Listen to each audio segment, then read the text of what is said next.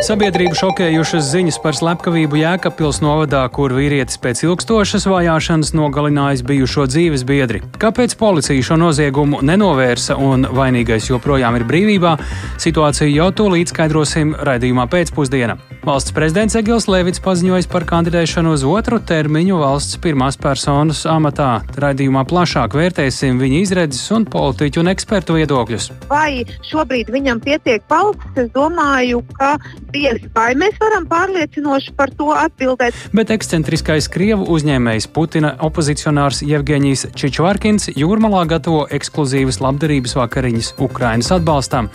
Kas būs ēdienkartē un kā Čičvārkins vērtē situāciju Krievijā? To visu jau pavisam drīz skaidrosim programmā pēcpusdiena kopā ar mani Tāli Heipuru.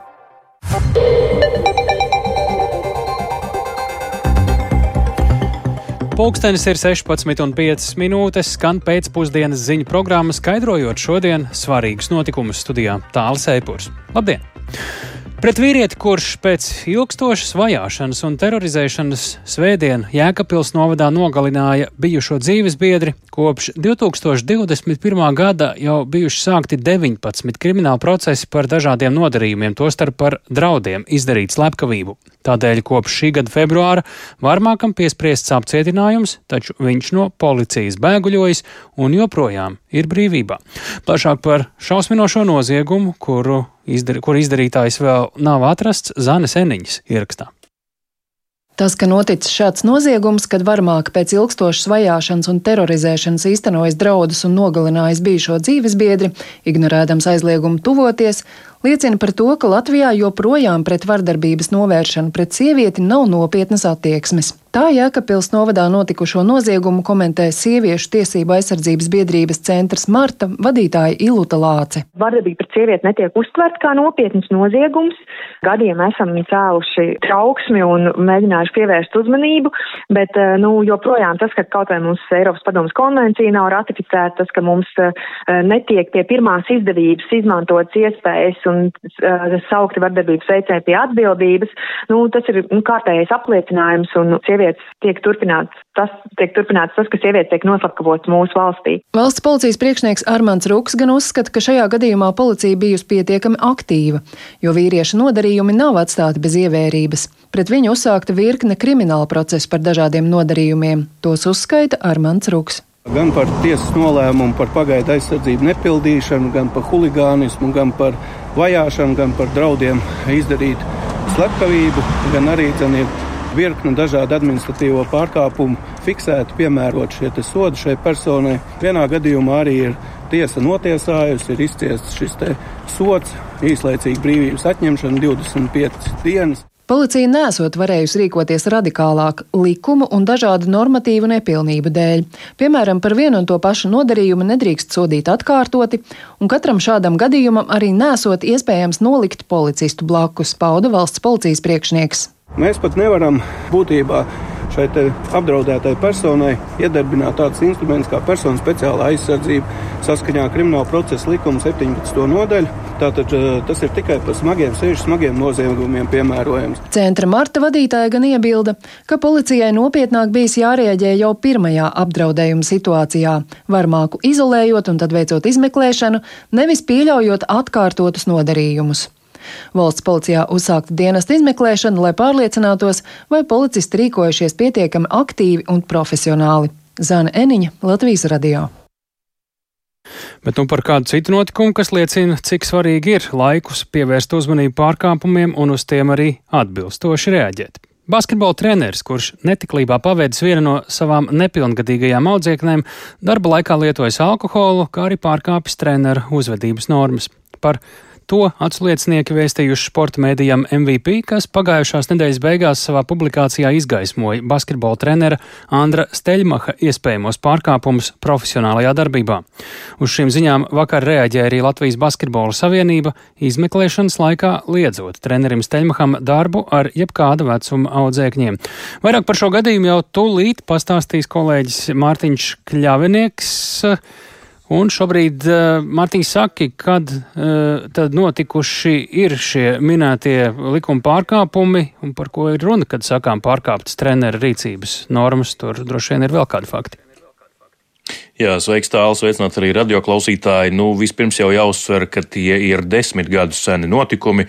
Um, tad šai meitenei bija 14 konkrētajam trenerim Andrim Steļmakam 28 gadi, un viņš viņu atzinās mīlestībā, arī mm, abiem bija intīmas attiecības, tas vēlāk arī rezultējās ar kāzām pēc mm, meitenes pilngadības iestāšanās. Nu, un, protams, tajā visā tas to visu arī pavadīja tāda emocionālā vardarbība, jā, arī tevis pieminēta alkohola lietošana darba procesā ar bērniem, es piebildīšu, jā, ar bērniem tas esot noticis, bet, nu, jā, tādi ir tie iespējamie pārkāpumi. Latvijas Basketbola Savienība arī pirmdien rīkojās beigās uzrakstot iesniegumu par šiem notikumiem valsts policijā, jo, kā pats Savienība atzina, tad nezināja par tādiem.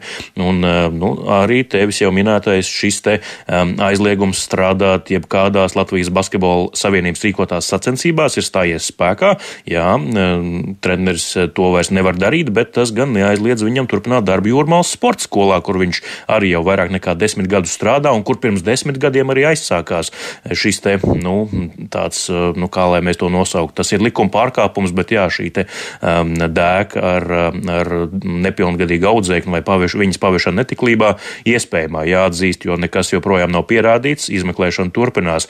Un, uh, tātad viņš joprojām līdz pat uh, šodienai varēja strādāt Jūrmālas sporta skolā, trenēt bērnus, un cik man zināms, tad līdz vakardienai to arī darīja, bet vakardien tika sasaukt, sasaukt vecāku sapulce un nolēmts, ka arī uz izmeklēšanas laiku treneris ir jāatstādi no darba pienākumiem, bet vairāk Vairāk eh, par to Latvijas radio pastāstīja Jūrmalas sporta skolas direktors Sāns Bērziņš. Klausāmies! Nu, šodien viņš ir atstādināts, kamēr mēs noskaidrojam un pārbaudam visu to, kas notiek. Un vakar vakarā mums bija vecāka sapulces, lai izrunātu šos te jautājumus. Teiksim tā, nu, no vecākiem, kuri, kuri ilgstoši ir, ir kopā ar Ānu sēdēšanas, nav nekādas ne, ne sūdzības, ne kāds ir redzējis kādus no šiem faktiem, par ko ir runa šajā rakstā. Man personīgi tas ir šoks personīgi arī es neesmu redzējis treneri, ne treniņos, ne tur alkohola reibumā, ne vēl kaut kādās šādās epizodēs, kā, kā tur ir minēts. Nu, nav mums arī skolā nav bijusi nu, neviena sūdzība.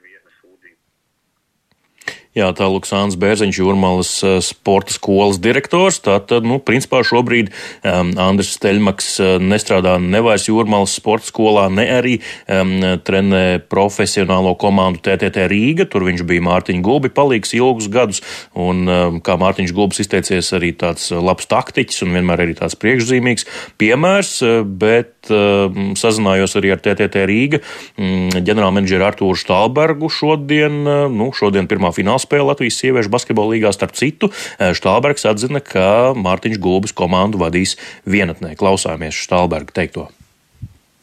Andersa komandu nebūs šodien, un visticamāk, arī tuvākā laikā, bet nu, notikumi, kas ir vairākus gadus atpakaļ norisinājušies, tie nekādā sakarā, teiksim, nav bijuši saistīti ar TTT. Nu, vismaz šī laikā, cik es te strādāju un cik Andris te strādāja. Tā kā nu, mēs turpināsim sekot notikumiem un, un, un, un skatīsimies, kā tā situācija attīstīsies. Nu, nekad, nekad, nekad nav bijuši. Tikai to labāko, pozitīvāko pateikt par darba ētiku un attieksmi pret darbu un vispārējo. Jā, Mārtiņ, tātad līdz šim medijos ir izskanējis tikai cietušās puses viedoklis. Dzirdējām arī, ko saka divi, divi pār, no skolas pārstāvis un arī komandas pārstāvis. Šobrīd pats treneris Steļmaks ir sniedzis kādu oficiālu komentāru. Es eh, mēģināju ar viņu sazināties eh, uz telefona zvaniem. Viņš neatbildēja, bet eh, jāsaka tā, ka viņš atbildēja uz nosūtīto īziņu, kur es lūdzu viņam ar mani sazināties un sniegt viedokli. Treneris šobrīd gan telefoniski neatzvanīja, lai sniegtu šādu audio izklāstām viedokli, bet rakstiski tādā īsā paskaidrojumā pauda, ka sniegs komentārus visdrīzākajā laikā Latvijas radio, bet pasaka uzreiz, ka viņš tiek sakot, publiski apmelots. Tas ir viņa viedoklis, un to mēs publiski arī varam paust, ka viņš uh, noliedz pilnīgi visas apsūdzības, kas līdz šim ir izskanējušas. Nu, tāds ir uh, jā, viņa viedoklis. Bet uh, es vērsos arī pie Latvijas Basketbola Savienības, un tur savukārt Latvijas Basketbola Savienības ģenerālsekretāram Kasparam Ciprusam ir tāds, nu, tāds um, plašāk pārskata viedoklis par to, ko šis gadījums izgaismo un ko tas vispār nozīmē tādos lielākos vilcienos. Klausāmies Kaspar Ciprus. Situācija mazliet iziet Latvijas sabiedrībā ārpus rāmjiem. Bieži vien pieaugušie cilvēki nu, atļaujās par daudz. Un es domāju, visus šos jautājumus lēnām jāpārsūta uz valsts policiju, lai tiek izskatīti šie gadījumi. Jo pretējā gadījumā, līdzīgi kā šī gadījumā, ja Andris Teļmaha gadījums tiks pierādīts, ka viņš ir vainīgs, nu desmit gadi tas viss tika uzskatīts par normu. Mums ir jāvelk šodien tā robeža. Mums sabiedrība ir jāmainās, jārīkojas ir drastiski. Nu, diemžēl mēs esam nonākuši tajā slieksnī, ka ar parastu ētiku runāšanu ir pamaz. Ja kāds bļaus bērniem, tad tas ir mazais huligānisms. Jā, tālāk Kaspars Ciprus, Latvijas Basketbola Savienības ģenerāls sekretārs, eh, vēl tikai piebildījuši, ka sekosim līdz šim tematam, tā attīstībai. Tas noteikti nav beidzies ar šo nelielo izklāstu programmā pēcpusdiena. Eh, varu iemest tādu āķīti intrigai, ka arī esmu sazinājies ar bijušo vienu no eh, Andru Šteļmacha bijušajām audzēknēm, kura šo visu, šos visus notikumus, kas ir aprakstīti arī MVP rakstā, redzēja savām acīm. Viņa bija viena no treniņu grupas dalībniecēm, un viņa arī gatava sniegt Latvijas radio savu ieskatu tajā, kā tas notika un ko viņi redzēja savām acīm. Tad gaidām gan eh, Andras Teļmaha komentāru, gan arī eh, šo sarunu. Paldies Mārtiņam Kļaviniekam. Turpināsim sekot līdz šim tematam. Bet ir temats, kam sekošana līdz būs vismaz līdz 31. maijam varbūt ilgāk. Valsts prezidents Egils Levits kandidēs uz otro termiņu valsts pirmās personas amatā. Tā viņš apliecināja šodien pēc tikšanās ar ministru prezidentu Krišānu Kāriņu no jaunās vienotības. Jāatgādina, ka par lēmumu atkārtot virzīt Levitu uz amatu Rīgas pilī. Pirmdien paziņoja Nacionāla apvienība un atbalsts sola arī jaunā vienotība. Lūk, paša Levita šodien sacītais. Jo es pārstāvu skaidras vērtības. Tas ir rietumniecisks un latvisks vērtības, Un tā ir mana pārliecība. Es to esmu arī šajos eh, četros gados, eh, es domāju, pierādījis. Es domāju, ka valsts prezidenta ievēlēšana ar vairākumu, kur izšķirošo lomu spēlē prokremliskas partijas, šajā situācijā nav pieļaujama. Jo tas būtu pilnīgi nepareizs signāls. Tas būtu bīstams signāls gan mūsu sabiedrībai, gan arī mūsu sabiedrotajiem. Tādēļ es šajā situācijā šobrīd būtu gatavs kandidēt arī nākamajiem četriem gadiem. Tā ir Gils Levits, bet kāpēc viņš ir izvēlējies kandidēt? Vai tāpēc, ka tagad ir Nacionālās apvienības paustais izvirzījums, gan arī jaunās vienotības solītais atbalsts, un būtu muļķīgi pašam nepiekrist. Vai varbūt ir kāds, kāds pietiekams pazīmes, ka Levits un viņa virzītāji, atbalstītāji varētu arī nodrošināt nepieciešamo atbalstu To kolēģi Dats Simonovičs vaicāja Rīgas Stradiņu universitātes lektorei un politoloģijai LD Metlai Rozentālei.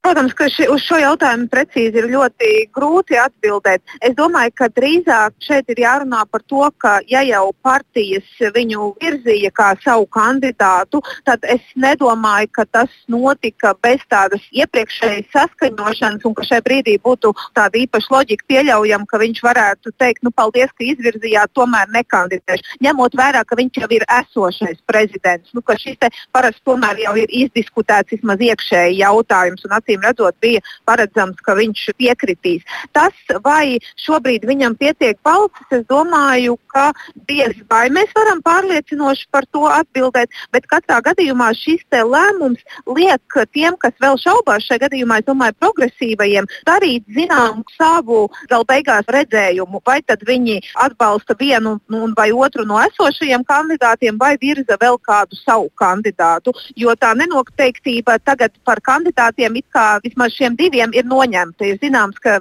viņi abi būs, nu, un tad ir jāpozicionējas arī pārējiem politiskajiem spēkiem, nu, kāda ir viņu attieksme. Divi galvenie favorīti ir izteikuši savu gatavību kandidēt, vai mēs varam sagaidīt, ka pagaidām nu, arī vairāk neviena nebūs, un tikai pēdējā brīdī, ja Pīlēnam vai Levitam neizdosies mm -hmm. nodrošināt nepieciešamo atbalstu, tad tikai tad parādīsies kāds trešais kandidāts. Tā mēs varam prognozēt, jo šobrīd izvirzīt kādu trešo nebūtu īsti pragmātiski problemātiski. Jo, proti, ja partijas ir nosaukušas savus šīs divi lielie partiju bloki, tad viņas ir pateikušas, ka viņas jebkurā gadījumā pirmajā kārtā balso par šo savu kandidātu. Tātad pat, ja tagad uh, progresīvie izvirza, piemēram, savu kandidātu, tad ir skaidrs, ka viņiem faktiski ir tikai progresīvo pašu balsis. Nu, vēl tāds nezināmais ir arī ZZS, kas līdz galam nav pateicis, bet atkal tas pats scenārijs. Pat ja viņi nosauc tad jautājums, kur viņi dabū kaut vienu citu bez saviem partijas biedriem, kas šo kandidātu atbalsta. Līdz ar to zināmā mērā ir bezjēdzīgi šobrīd nosaukt vēl kādu citu,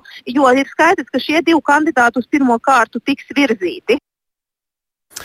Tā Rīgas Stradiņa universitātes lektore un politoloģa Lelda Mētla Rozentālē, kā sarunā ar kolēģi, viņa arī šodien secināja, šobrīd droši atbalsta nav nevienam no diviem šī brīža pretendentiem, līdz ar to mums jāklausās politiķa redzējumā tagad pēc tagadējā valsts prezidenta gatavības iesaistīties cīņā par amatu arī uz otro termiņu premjers Krišāns Kariņš no jaunās vienotības šodien pavēstījis, ka ir apņēmības pilns panākt, ka koalīcijā ietilstošie trīs politiskie spēki ir vienoti balsojumā par valsts prezidentu un viņš vēlas panākt tieši Levita pārvēlēšanu.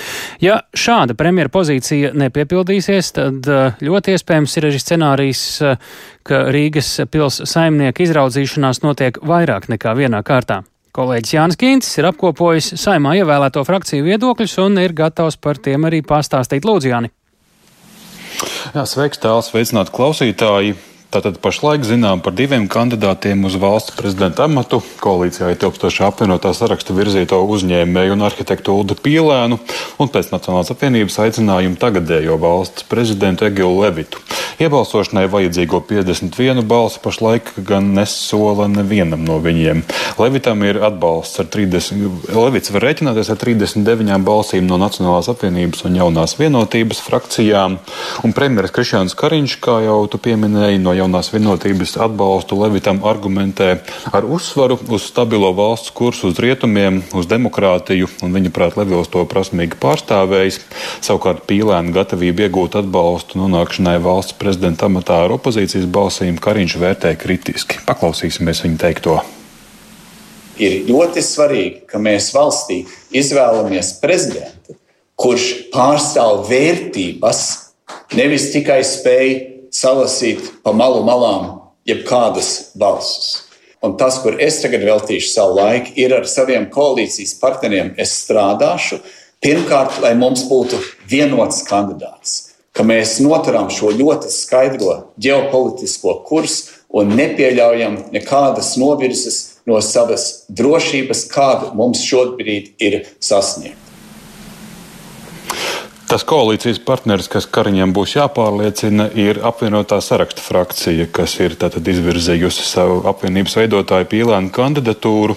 Un situācijā, kad trīs koalīcijas partijām ir divi kandidāti, valsts prezidenta ievēlēšana būtu iespējama ar opozīcijas balsīm. Un apvienotā saraksta pārstāvji pretēji premjeram nesaredz neko nosodāmu, ja pīlēnu ievēlētu arī ar kādām opozīcijas balsīm. Vairāk opozīcijas politiķi jau ir paguvuši paust publisku atbalstu pīlēnu ievēlēšanai Ukrainai. Piemēram, Latvija pirmajā vietā līderis Ainārs Šlesers un iespējamību pievienoties šim balsojumam paudzes arī stabilitātei vadītājs Aleksējs Rosļikovs. Savukārt progresīvie tuvāko nedēļu laikā varētu nosaukt vēl kādu atsevišķu kandidātu uz valsts prezidenta amatu. Tomēr pašreizējā situācijā šo kandidātu diez vai varētu atbalstīt vēl kādi deputāti ārpus viņu pašu frakcijas. Vienlaikus progresīvie ir atzinīgi novērtējuši Levita pozīcijas valsts drošības un ģeopolitikas jomā. Taču arī ar progresīvo frakcijas atbalstu nebūtu gana, lai pārvēlētu Levitu. Savukārt Zaļo zemnieku savienība, izveidojoties apvienotajam sarakstam, palika bez daudziem biedriem un pašlaik ir visai nogaidoša par atbalstu pīlēnam vai kādam citam. Vienīgi Zaļo zemnieku savienība ir skaidri solījusi nebalsot par Egilu Levitu. Sarunā Latvijas radio uz lūgumu vērtēt Ulda pīlēna kandidatūru Zaļo zemnieku frakcijas vadītāja vietnieks Augusts Brigmanis eh, bija visai atturīgs. Paklausīsimies! Viņš ir eh, cienījama godējuma kandidatūra, eh, bet tas būtu no manas puses diezgan nu, tā pārāk eh, vai nepārdomāti teikt, ka nu, mēs viņu patreiz atbalstam. Ja? Tad mēs sagaidīsim, tad, kad visi būs, un tad mēs arī par viņiem katru konkrēti pieņemsim lēmumu. Vai pieļaujat, ka šajās prezidenta vēlēšanās ar vienu kārtu būs par mazu? Diezgan ticami, diezgan ticami. Joprojām daudz politiskie spēki nav pateikuši, kā viņi rīkosies. Nu, tā skaitā, protams, arī mēs. No otras puses, ļoti droši tas ir tikai divas kandidatūras. Ja. Šajā vienkāršībā varbūt slēpjas arī, cik tas paradoxāli nebūtu sarežģīti. Nu, lūk, un šajā procesā var būt vēl dažādi pavērsieni. Valsts prezidenta amata kandidātu izvirzīšana, oficiālā piedošana pieteikšana būs no 9. līdz 13. maijam, un turpmākajās dažās nedēļās premjera Kariņa vārdiem runājot, var notikt daudz kas interesants. Jā, kā Jāni izpaustos valsts prezidenta vēlēšanas, ja būtu vairāk nekā viena kārta, nu, gan tajā politiskajā un balsu ziņā, gan arī vai tas var nozīmēt arī balsošanu ne tikai 31. maijā un cik tādu kārtu vispār var būt? Nu, jā. Valsts prezidenta vēlēšanas notiks 31. maijā, un tās organizēs atklātā balsojumā ar vēlēšanu biļeteniem. Pēc katras balsošanas reizes izsvītros to kandidātu, kurš saņēmis mazāko balsu skaitu. Un valsts prezidenta ievēlēšanai tātad ir nepieciešama vismaz 51 balss, un ja neviens no kandidātiem negūst atbalstu, kandidatūras jaunām valsts prezidenta vēlēšanām izvirza nevēlākā piecas dienas pēc pēdējās vēlēšana kārtas, un jaunas valsts prezidenta vēlēšanas saimas sēdē notiek ne agrāk kā desmit dienas pēc pēdējās vēlēšana kārtas. Un, ja arī jaunu vēlēšanu pēdējā kārtā neviens kandidāts nav guvis nepieciešamo balsu skaitu ievēlēšanai, tad tiek atkārtot rīkotas jaunas vēlēšanas ar tādiem pašiem nosacījumiem. Tātad likums pieļauj šādu notikumu atkārtošanos tik daudz reižu, līdz būs rezultāts ievēlēts valsts prezidents. Turklāt likums neliedz arī atkārtotās vēlēšanās kandidēt atkārtoti tiem pašiem kandidātiem. Taču, nu, vai nu tik tālu aizies? To mēs redzēsim. Paldies Jānis Kins, Jānim Kincim. Mēs ejam tālāk redzījumā pēcpusdienu traģisks vēsts. Jau vairāk nekā gadu mēs saņemam no Ukrainas un turpinoties Krievijas iebrukumam Ukrainā smagus zaudējumus turpina piedzīvot frontei tuvāk esošas pilsētas.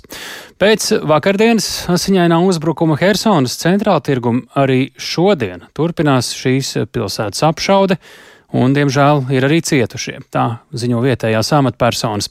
Vairāk par notiekošo esam sazinājušies ar Latvijas radio korespondentu Ukrainā Indru Sprānci. Sveiki, Indra! Jāsāk jau ar to, vai tu joprojām esi tur Hersonā vai jau devusies prom atpakaļ uz Kijivu? Labdien! Jā, esmu atpakaļ jau Kīvā, bet Hersonā patiešām ir ļoti nemierīgi. Un kā šodien preses konferencē stāstīja Hersons apgabala padomas vadītāja pirmais vietnieks Jurijs Soboļevskis, pēdējā laikā uzbrukuma intensitāte apgabalam ir patiešām ļoti palielinājusies.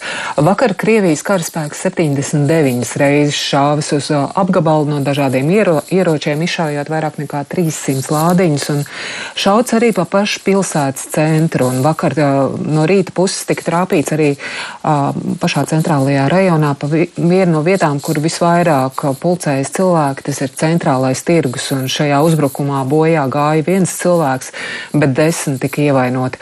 Uzbrukumi turpinās arī šodien, un ir arī cietušie. Paklausīsimies mazu fragmentiņu no preskonferences. Станом на зараз так само обстріли тривають і по Херсону в тому числі. Šobrīd apšaudas turpinās, tajā skaitā pa Hersonu. Pēdējā apšauda beidzās burtiski pirms 15 minūtēm. Apšaudas rezultātā divi cilvēki ir vērsušies pēc medicīniskās palīdzības. Vēl viens cilvēks vērsies pēc medicīniskās palīdzības, bet viņš ievainojumus guva vakar. Вона отримала поранення вчора. Jā, un tā jāpiebilst, ka pēc vakardienas uzbrukumā Helsonas tirguma Ukrainas prokuratūra arī ir ierosinājusi jaunu kriminālu procesu par karu noziegumu, proti par to, ka mērķēts pa civiliedzīvotāju pulcēšanās vietu. Tiesa gan šāda krimināla procesa jau Ukrainā ir desmitiem tūkstoši. Ukraiņi negrasās aizmirst nevienu nogalināto un ievainotos, bet uz priekšu pavirzījušies kaut vai tiesājot attālināti ar pavisam nelielu daļiņu, un, protams, tiek gaidīts uz startautisku karu noziegumu iztiesāšanu. Indra vai Helsons apgabala, apgabala administrācijai ir kas zināms par Putinu vizīti Krievijas karaspēka okupētajā Helsons apgabala daļā, tā kas ir otrā pusē Ņeprai. Kremlis par to vakar ziņoja.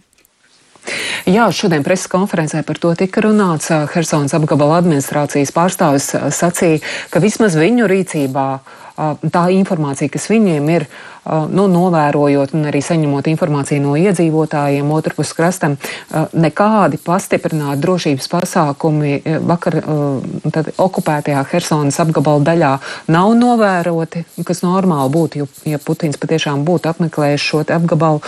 Un uh, Ukraiņi uzskata, ka tā viss ir daļa no Krievijas propagandas kampaņas uh, saviem iedzīvo, iedzīvotājiem stāstot un it kā atrādot šo te jauno Krieviju un tādējādi demonstrējot spēku. Vienlaikus Helsonas apgabala administrācijas pārstāvis zināja stāstīt, ka šajā te okupētajā teritorijas daļā iedzīvotājiem situācija ir tiešām ļoti sarežģīta. Viņiem tiek, viņi tiek spiesti pieņemt Krievijas pases, citādi ierobežot pie medicīnas pakalpojumiem. Tāpat viņiem tiek piedāvāts pārcelties dzīvot uz Krieviju, solīts atbalsts, taču atsaucība nav liela liela pamest šīs te okupētās teritorijas, lai, piemēram, atgrieztos Ukrainā, viņiem ir ļoti sarežģīti, jo vienīgais ceļš ir faktiski caur Krīmu un Krieviju, un tur ir ļoti daudz kontrolpunktu un pārbaudas, un pat bērni tiek nopratināti, tā ka situācija ir sarežģīta. Un, ja runājam par Hersons apgabalu bērniem, tur ir īpašs stāsts, jo Hersons apgabals, tāpat kā Harkivas apgabals, ir divi visvairāk cietušie šeit tā ziņā, ka tieši no šiem apgabaliem bērni visilgāk uh, ir iestrēguši Krievijā. Mm -hmm. Atceramies, tad, tad, Jā. tas ir tas stāsts par, par, par to, ka Krievija neļauj šiem bērniem atgriezties atpakaļ, un šobrīd notiek cīņas par viņu atvešanu. Tas noteikti ir vēl viens plašāks stāsts par to noteikti citreiz. Paldies Indrais Prancei no Ukrainas, bet ņemot vērā tikko dzirdēto, gan arī vispārējo Ukrainā notikušo, ikvienam ir iespēja palīdzēt. Ieejas biļete - 10 tūkstoši eiro no viena cilvēka. Par tādu ziedojumu palīdzībai Ukraiņiem iespējams piedalīties piekdien paredzētās labdarības vakariņās. Tādas savā vasarnīcā Jūrmalā rīko Jevgeņijs Čičvarkins, ekscentrisks uzņēmējs, kurš jau 2008. gadā devies prom no Krievijas un ir viens no redzamākajiem prezidenta Vladimira Putina opozicionāriem ārzemēs. Līdzīgas labdarības vakariņas Čičvarkins ar dzīvesbiedri Tatjanu paši gatavojam maltīti viesiem jau ir rīkojuši Anglijā. Itālijā, Francijā. Kas būs jūrmālas pasākumu mēdienkartē un kā Čičvarkins vērtē situāciju Krievijā, klausāmies Ievas puķis siždā.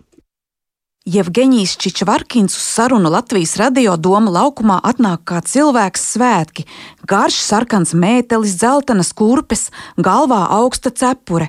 Sapelnījis naudu telekomunikāciju biznesā Krievijā, 2008.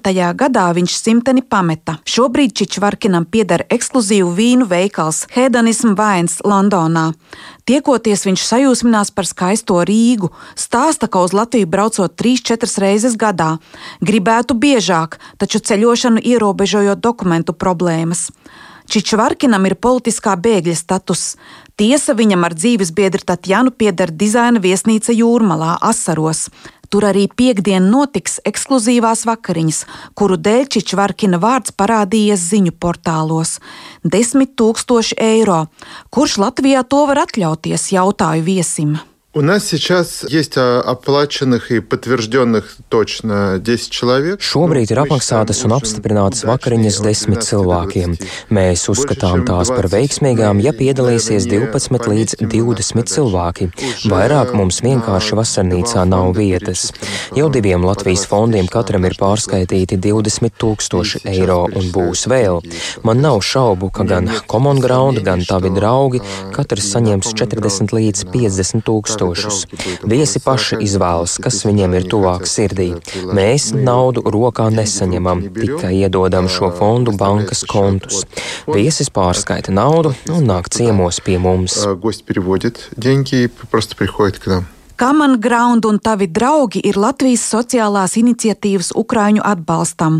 Jūrmalas vakariņās paredzēts vākt ziedojums arī medicīnas volontierei Ukrainas frontē Tatai Keplerei.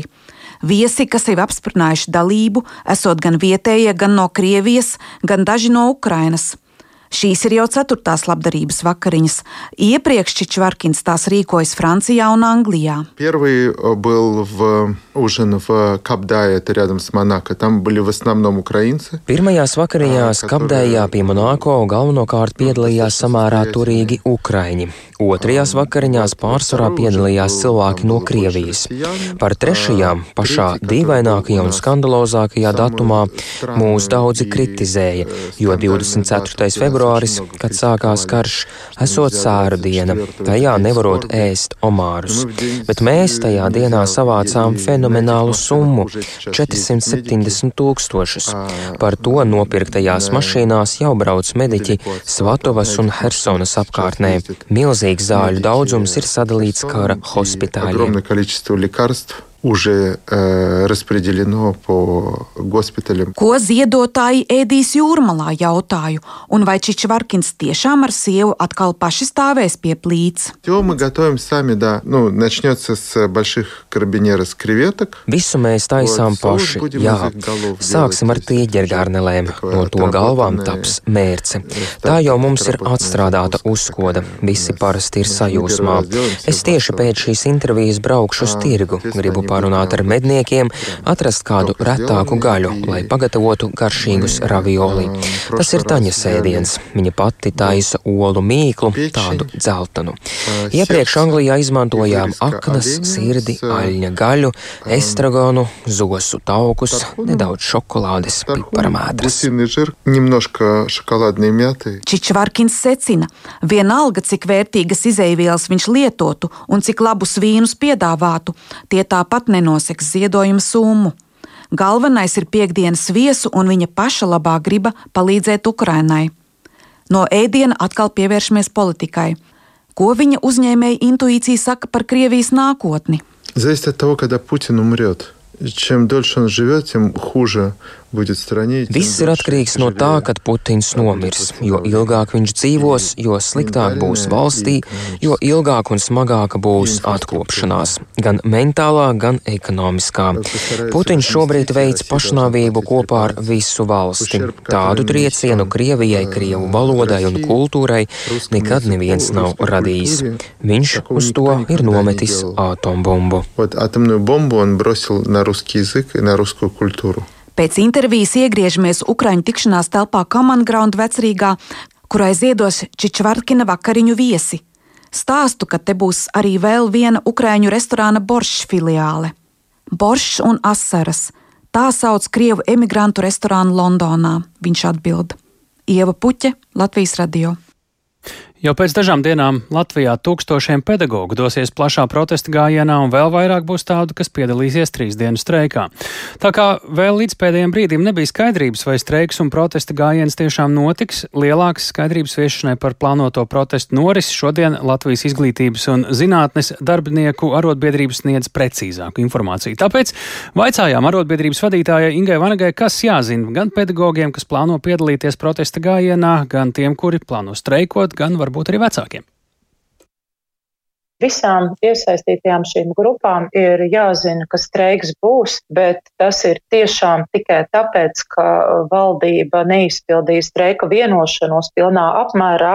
Jā, tātad vecākiem mēs ļoti lūgtu sazināties ar savu izglītības iestādi un noskaidrot, jo ir izglītības iestādes, kuras nepiedalās streikā, ir kurās daļa no darbiniekiem, jā, tātad, lai saprastu, vai būs mācības, ja būs, tad kādā apmērā, tātad šeit katram ar savu izglītības iestādi individuāli, jo ir ļoti atšķirīgi šie lēmumi. Runājot par gājienu, te arī ir iesaistīta daļa no pedagogiem, Un arī šeit var būt izmaiņas mācību plānā, un arī par šo ir jāsazinās ar izglītības iestādi, jo ir, kur skolotāji savā starpā samainās ar mācību stundām, ir, kur visas skolas kolektīvs piedalās gājienā, arī šeit ir jānoskaidro. Un runājot par gājienu, mēs arī no arotbiedrības puses lūdzam īpaši politiskās partijas un uh, privātpersonas nekādā gadījumā nerīkoties tā, kas diskreditētu uh, gājienu dalībniekus un nepārkāpt likumu. Šāda informācija, diemžēl, ir mūsu rīcībā, jo mēs uh, rīkosimies tādējādi, ka brīdinājums un vēršanās pie valsts policijas Diemžēl arī šādas situācijas mūs sagaida, par ko mūs ir informējuši arī drošības institūcijas, bet mēs jau esam pieņēmuši mērus. Kādi ir iespējamie diskreditējošās vai traucējošās darbības, par ko ir runa? Par to, ka ir atsevišķi politisko partiju pārstāvi, kuri vēlas izmantot šo situāciju savu mērķu ideju, tātad popularizēšanai un uh, pārkāpjot arī satversmes pantus, kas paredz tiesības, ja mums rīkot gājienu. Tāpēc mēs aicinam tiešām neizmantot izmantot to un ļaut pedagogiem zinātnes nozares darbiniekiem, veselības nozares darbiniekiem īstenot viņu tiesības, iestājoties par amatpersonu atbildības paaugstināšanu un par cienīgas attieksmes nodrošināšanu. Kur vērsties tiem, kuriem ir kādi vēl specifiski jautājumi, ko varbūt skolā nevar īsti tikt skaidrībā, varbūt ir kāda skolas vadība vēlas precizēt kādu kārtību?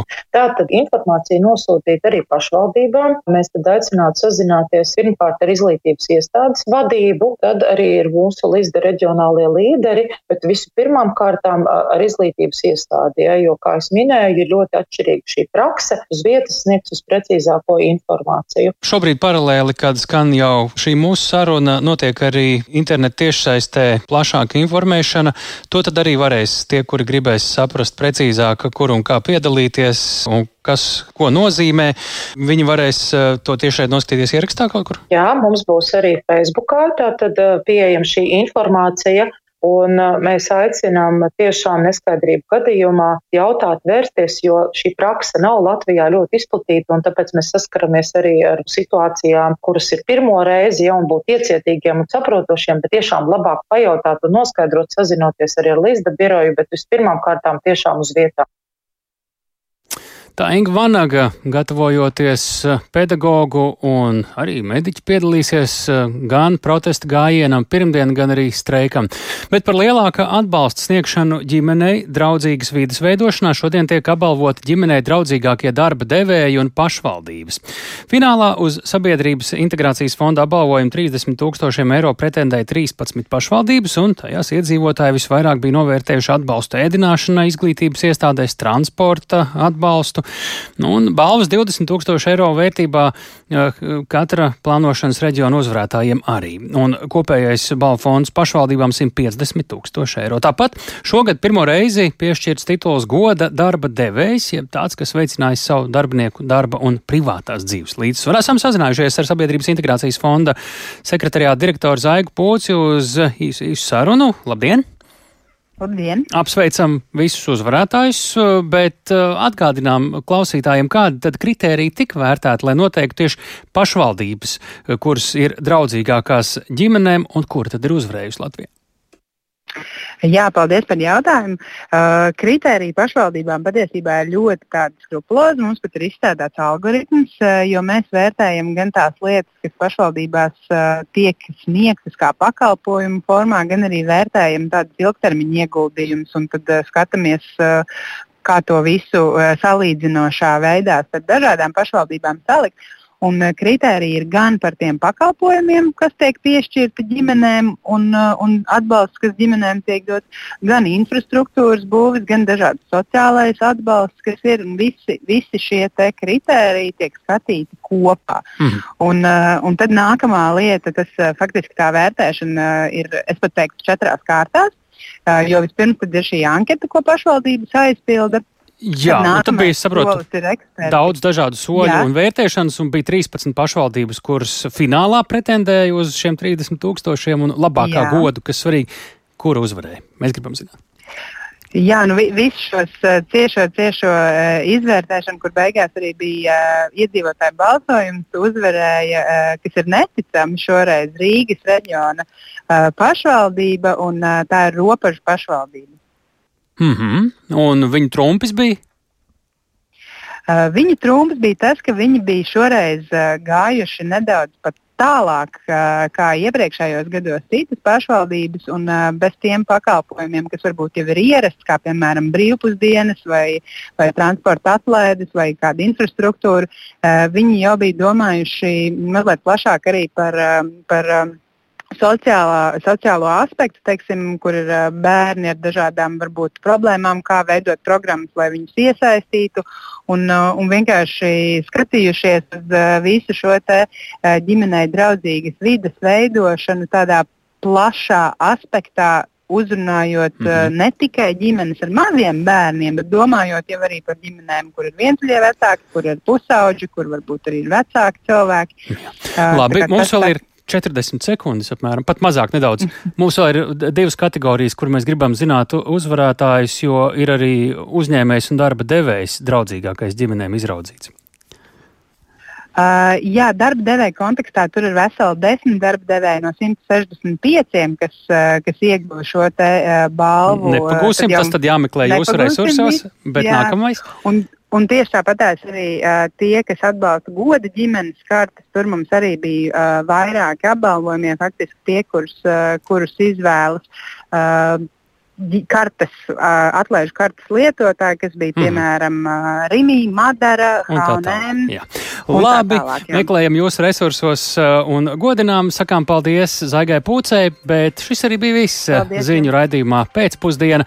To veidoja Tāls Eipurs, Ilza Agīnta, Kaspars Groskops, Toms Šupēko. Klausieties šo raidījumu, protams, arī Latvijas radio mobilajā lietotnē.